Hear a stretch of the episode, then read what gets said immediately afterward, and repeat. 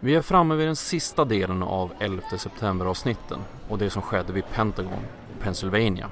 Det vill säga attacken mot amerikanska försvarshögkvarteret Pentagon då American Airlines 77 flög in i byggnaden i Washington.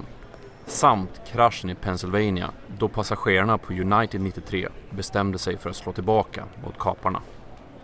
Till skillnad från attackerna mot World Trade Center så skedde attacken mot Pentagon och kraschen med United 93 mer avskilt. Inga privatpersoner kunde filma inflygningen eller krascherna. Istället har vår kollektiva bild av skenet varit hänvisad till övervakningskameror i Pentagons fall. Eller bara bilder av det som skedde efter i United 93s fall. Tack vare den här situationen har det också uppstått myter om dessa krascher på ett helt annat sätt än American Airlines 11 eller United 175. De två plan som flög in i World Trade Center-tornen. Konspirationsteorier sprids som att inga flygplanskrascher skedde eller att det var något högst suspekt med krascherna. Oavsett vad bevis och existerande fakta säger. Och redan nu vill jag varna för att en del av inslagen i det här avsnittet kan upplevas som jobbiga. Det är dags att stänga dörren till 11 september-konspirationerna. I alla fall för den här gången. Ni ska vara välkomna till det här avsnittet av Kvalificerat Hemligt. Den här gången om attacken 11 september mot Pentagon om United 93, den avbrutna attacken och kraschen i Pennsylvania. However, when you look at the hole at the Pentagon, you'll find that it's only approximately 65 feet across. How does a plane of those dimensions fit into a hole only 65 feet across? And so then at the time we heard about the, airplane that went into Pennsylvania, then I thought, oh my God, did we shoot it down? Uh, I was, you know, looked out my window. I saw this plane, jet, American Airlines jet, coming, and I thought uh, this doesn't add up. It's really low, and uh, and I saw it. It just went. I mean, it was like a, a cruise missile with wings. Went right there and slammed right into the Pentagon. In speaking with everyone, uh, it was conclusive that n- no one else in the area where I was located had seen any parts of planes or luggage or baggage or anything of that nature. Året var 1941 och fastän USA inte hade dragits in i andra världskriget än så var man från militärt håll rätt säker på att så skulle ske. Förr eller senare. Vid den här tiden hade försvarsdepartementet i Washington DC flyttat ut ett antal gånger och byggt nya byggnader. Men man var fortfarande väldigt trångbodda. Under sommaren 1941 hölls en kongressutfrågning som senare resulterade i att man fick ett klartecken att börja planera en permanent byggnad som skulle kunna bistå departementet med det utrymme man behövde. Kraven från myndighetshåll var att byggnaden fick vara max fyra våningar hög och att man använde minimalt med stål, då stålet behövdes till upprustning och krigsinsatser. De här kraven ledde till att man från början räknade med ett lågt men väldigt utbrett hus Dessutom var den mark man ursprungligen fick tilldelad till sig på sydöstra sidan av Washington, över floden Potomac, ungefär format som en enhörning. Det här ledde till en design som följde marktilldelningen, alltså en femhörning. Dock fanns en eh, oro från myndighetshåll att den här jättekonstruktionen skulle blockera utsikten från kyrkogården Arlington mot Washington DC. Så president Roosevelt bestämde att byggnaden skulle flyttas till en ny plats, där dåvarande Hooverflygplatsen låg. Men även om marken man fick hade en annan form så behöll man designen på huset. Dels för att en omkonstruktion skulle bli väldigt dyr och dels för att presidenten faktiskt var väldigt förtjust i husets form. Den nya platsen var direkt öster om kyrkogården Arlington och nästan rakt söderut från Lincoln Memorial. Första spadtaget togs, väldigt symboliskt här i efterhand, 11 september 1941. Och som utlovat använde man minimalt med stål. Istället kom man att bygga Pentagon med förstärkt betong 680 000 ton närmare bestämt. Bygget tog 16 månader och Pentagon invigdes formellt i januari 1943. Men eh, på grund av kriget så var behovet av kontorsutrymme skriande. Det här ledde i sin tur att man flyttade in i en flygel så fort den stod klar, även om övriga byggnaden var en byggarbetsplats. Idag består Pentagon av dryga 600 000 kvadratmeter utrymme, varav 340 000 kvadratmeter är kontor. Byggnaden har fem våningar ovan jord och två under jord. Och eh, varje våning består i sin tur av fem ringar, något som resulterar i att Pentagon har närmare tre mil korridorer. Pentagon genomgick ett renoveringsprogram från 1998 till 2011 där man bland annat gjorde förändringar av planlösningen, tog bort asbest och förstärkte fasaden och fönster.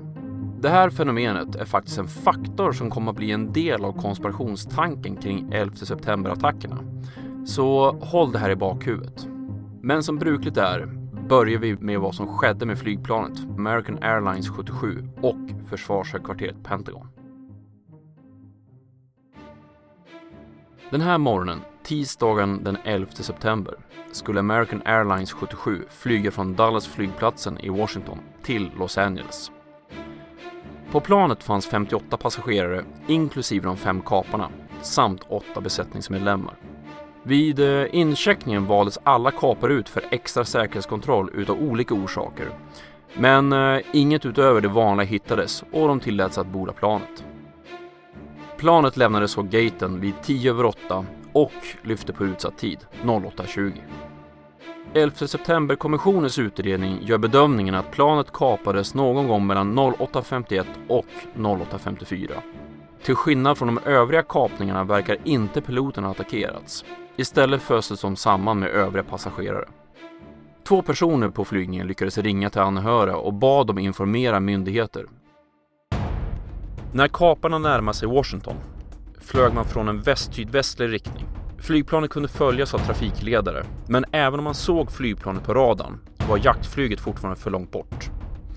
Istället kunde man bara hjälplöst titta på när flygplanet manövrerade sig allt närmare Washington DC och Pentagon.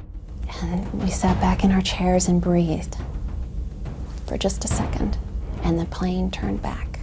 He continued the right hand turn. And we're telling the supervisor he's turning back in. He's turning back eastbound. And the turn kept going. And that's when I think I yelled to John, I said, Oh my God, John, he's coming back. And we waited, and we waited, and your heart's just beating out of your chest. När flygplanet var cirka 8 kilometer väst om Pentagon utförde man en kraftig sväng på 330 grader.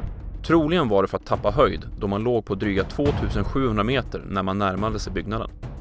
Svängen tar flygplanet medsols ut med Potomac för att sen svänga upp igen mot Pentagon, nu med en höjd under 700 meter.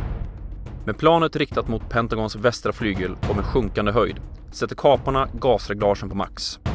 Sekunder före kraschen och med planet i stort sett i markhöjd kapar flygplanet fem stycken lyktstolpar medan högra vingen klyver en transformator innan American Airlines 77 flyger in i Pentagon med en hastighet på över 850 km i timmen. Klockan är nu 09.37. I kraschen dog, förutom alla på planet, 125 personer som arbetade i den västra delen av Pentagon. I de två tidigare programmen om 11 september-attackerna, det om alla kringteorier samt om World Trade Center-tornen och byggnad 7, har jag berättat om en del föreställningar som kan appliceras även i det här avsnittet. Det gäller bland annat föreställningarna att det kraschade planet, American Airlines 77, skulle på ett eller annat sätt bytts ut, inklusive passagerarna. Men den absolut vanligaste föreställningen är att det inte var ett flygplan som träffade Pentagon utan någon typ av kryssningsmissil eller liknande. Bevisen för det här är att man enligt konspirationstroende inte ser några flygplansdelar på bilderna från Pentagon efter kraschen. Dessutom finns det väldigt få bilder från kraschögonblicket, knappt ens från övervakningskameror. Vad de som tror på konspirationsteorierna inte nämner är den massiva mängd ögonvittnen som sett flygplanet passera över dem och sett det flyga in i Pentagon. Eller det faktum att flygtrafikledningen uppmanade ett militärt transportflygplan att följa efter det kapade planet. That uh, 06 is still in a descent now and uh, looks like he's rolled out northeastbound. All right, thank you. Och efter ett tag meddelar det militära transportflygplanet Gopher 06 att American Airlines 77 har kraschat in i Pentagon. Gopher 86, thank you. Descend and maintain 2000. Okay, we're down to 2000. And uh, this is Gopher 06. It looks like that aircraft crashed into the Pentagon, sir. Gopher 86, Gopher 06, thank you. Men eh, övervakningskamerorna då? Det måste varit några som såg vad som hände i alla fall. Nej, efter att ha gått igenom alla banden från kameraövervakningen konstaterar FBI att det fanns bara några få övervakningskameror som ens hade fått med kraschen på bild. Beroende på typ av övervakningskamera så tar de här kamerorna ett fåtal eller endast någon bild per sekund.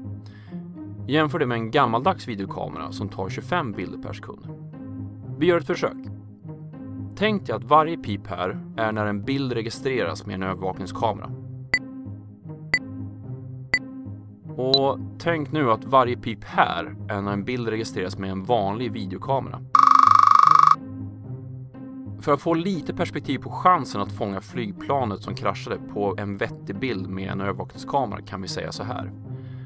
För varje pip du hör så hade flygplanet hunnit färdas 237 meter per sekund. Så 237, 474, 711 meter. Flygplanet som kraschade in i Pentagon var dryga 47 meter från nos till stjärtfena. Det innebär att flygplanet färdades hela sin längd på 0,2 sekunder. Det vill säga en femtedels bild i det här exemplet. Det är som att jag säger mitt namn, CJ Åkerberg, så här snabbt. Med tanke på hur snabbt planet passerar kamerans lins borde det säga sig självt att underlaget för att avgöra om det är ett flygplan genom att enbart titta på lågupplösta videobilder, som dessutom uppdaterades väldigt långsamt, är omöjligt. Men som tidigare nämnts är det inte nödvändigt att det här ska etableras via övervakningskamera om det var ett plan som flög in i Pentagon eller inte. Då det fanns en uppsjö med ögonvittnesskildringar som angav att det var just ett flygplan. En annan tidig konspirationsteori var att planet inte hade orsakat det massiva hål som ett flygplan av den här storleken borde åstadkomma i byggnaden. Som eh, bevis visar konspirationstroende bilder på Pentagons fasad efter att släckningsarbetet genomförts. Vad som då inte framgår av korten är att 20 minuter efter att planet kraschade in i Pentagon rasade delar av den drabbade delen av Pentagon samman. Innan kollapsen beräknar man att ett hål på dryga 24 meter slogs upp av flygplanskroppen efter att vingarna förstörts mot marken och mot den förstärkta fasaden. Tittar man på hur den här flygplanstypen är beskaffad skulle sådant hål vara i samma diameter som flygplanskroppen samt vingarna ut till motorinfästningen.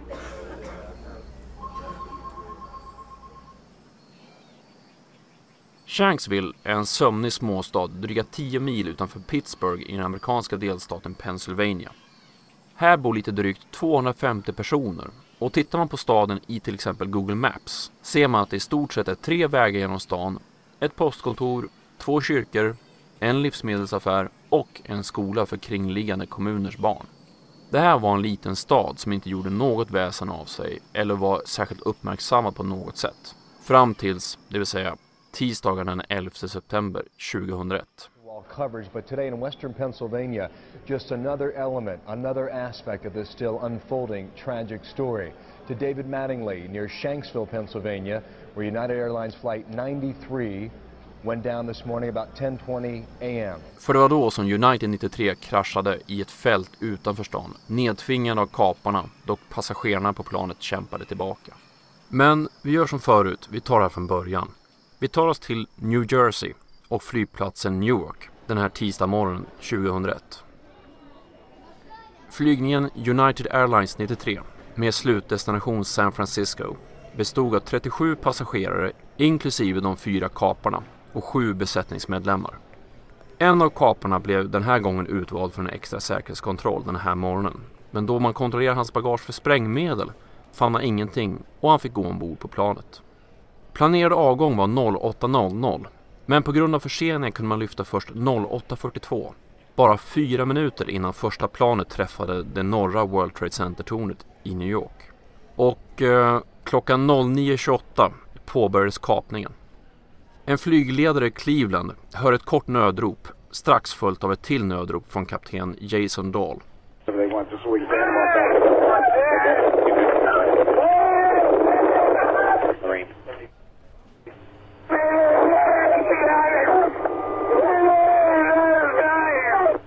Men kapningen går snabbt. Vid 09.31 sänder en av kaparna, Siad Yara, ut ett meddelande som ska gå till passagerarna men som också når flygledaren i Cleveland.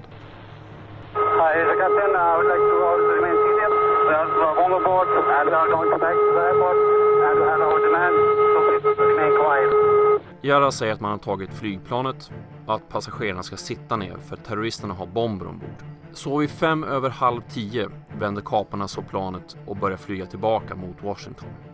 Redan när kapningen påbörjats ringde passagerarna anhöriga myndigheter. Tio passagerare och två besättningsmedlemmar lyckades få fram sina telefonsamtal och på det här sättet också få insikt i om den attack de nu var högst delaktiga i. Tuesday, 9:47 a.m. Hi, baby. I'm baby. You have to listen to me carefully. I'm on a plane that's been hijacked. I'm on the plane. I'm calling from the plane. I want to tell you I love you. Please tell my children that I love them very much. And I'm so sorry, babe. Um, I don't know what to say. There's three guys. They've hijacked the plane. I'm trying to be calm. We're turned around, and I've heard that there's planes that's been been flown into the World Trade Center. I hope to be able to see your face again, baby. I love you. Bye.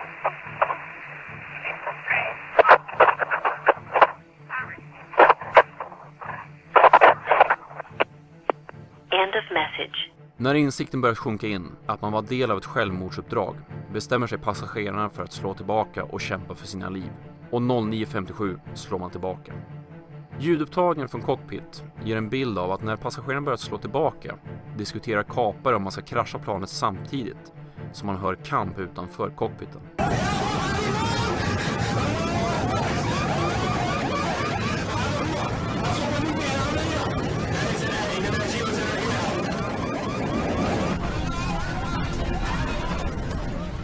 Passagerarna kämpar sig allt närmare piloten i cockpit som börjar kränga och rolla med planet för att stoppa attacken.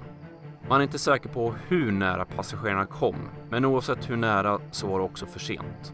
För klockan 10.03 kraschar United 93 ner i ett fält utanför Shanksville med en hastighet av över 900 km i timmen.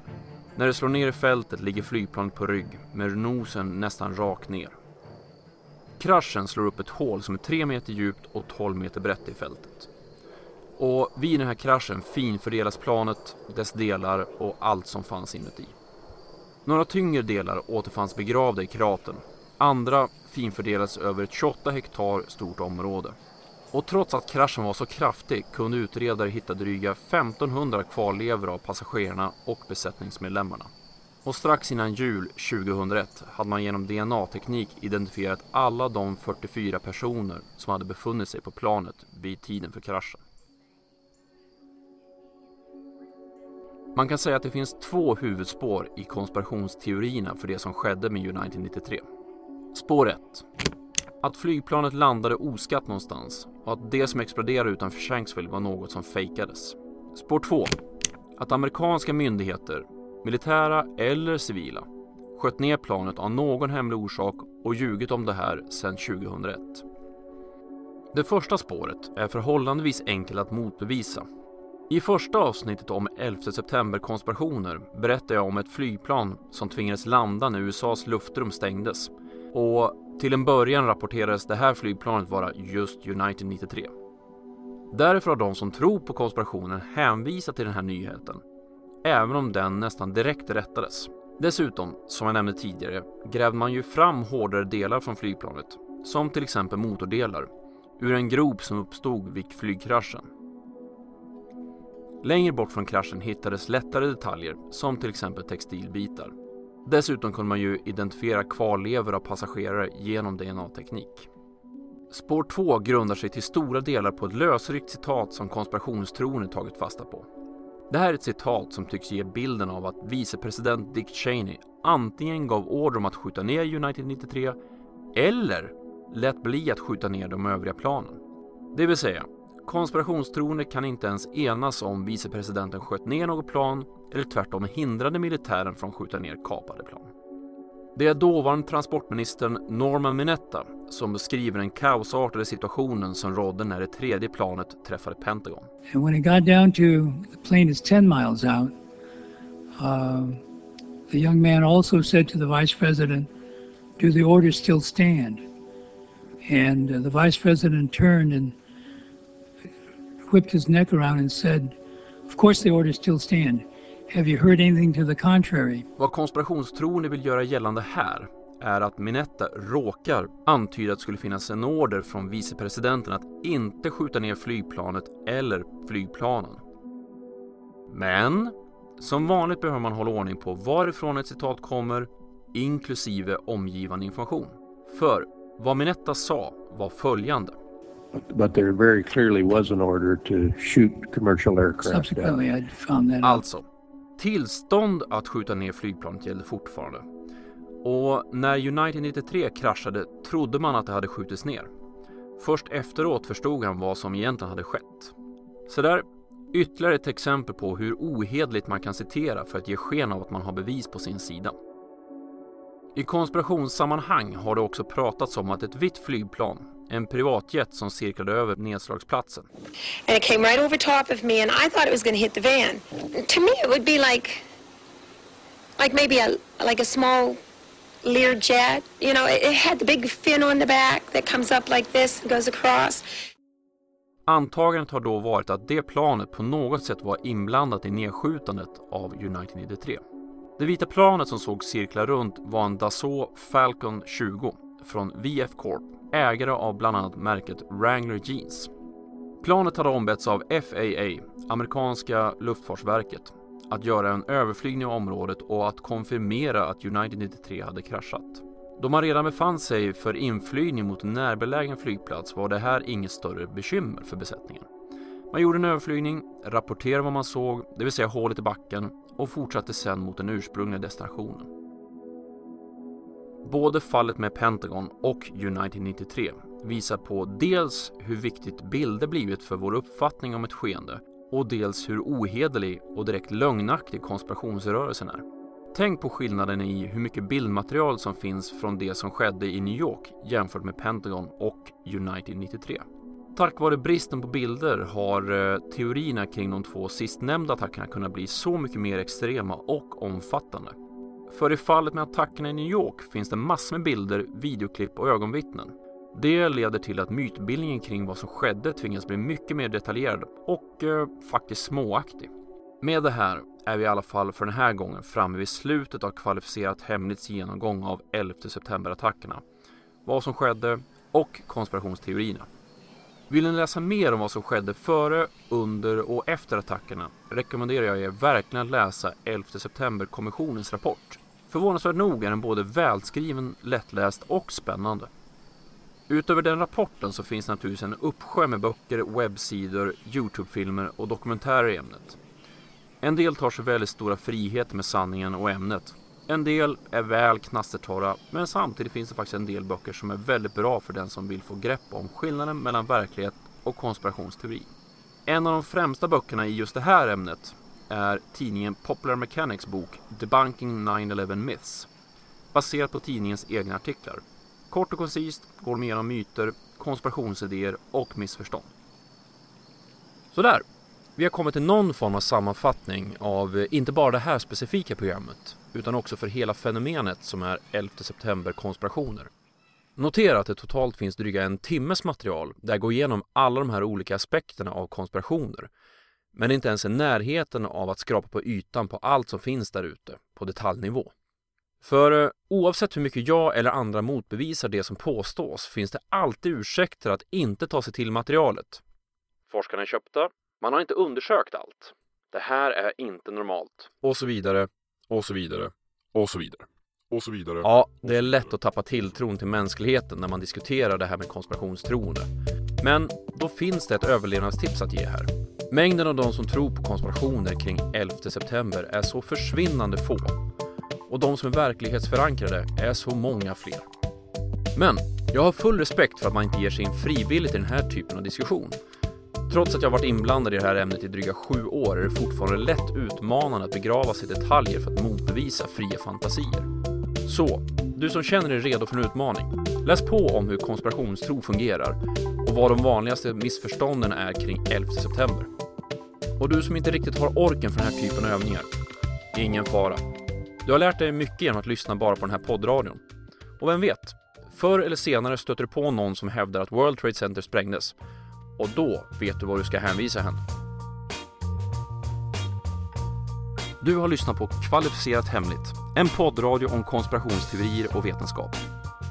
Länkar till musiken, videoklipp och annat som nämns i programmet återfinns på programmets hemsida, khpodden.se. Jag heter C. Åkerberg och tack för att du har lyssnat.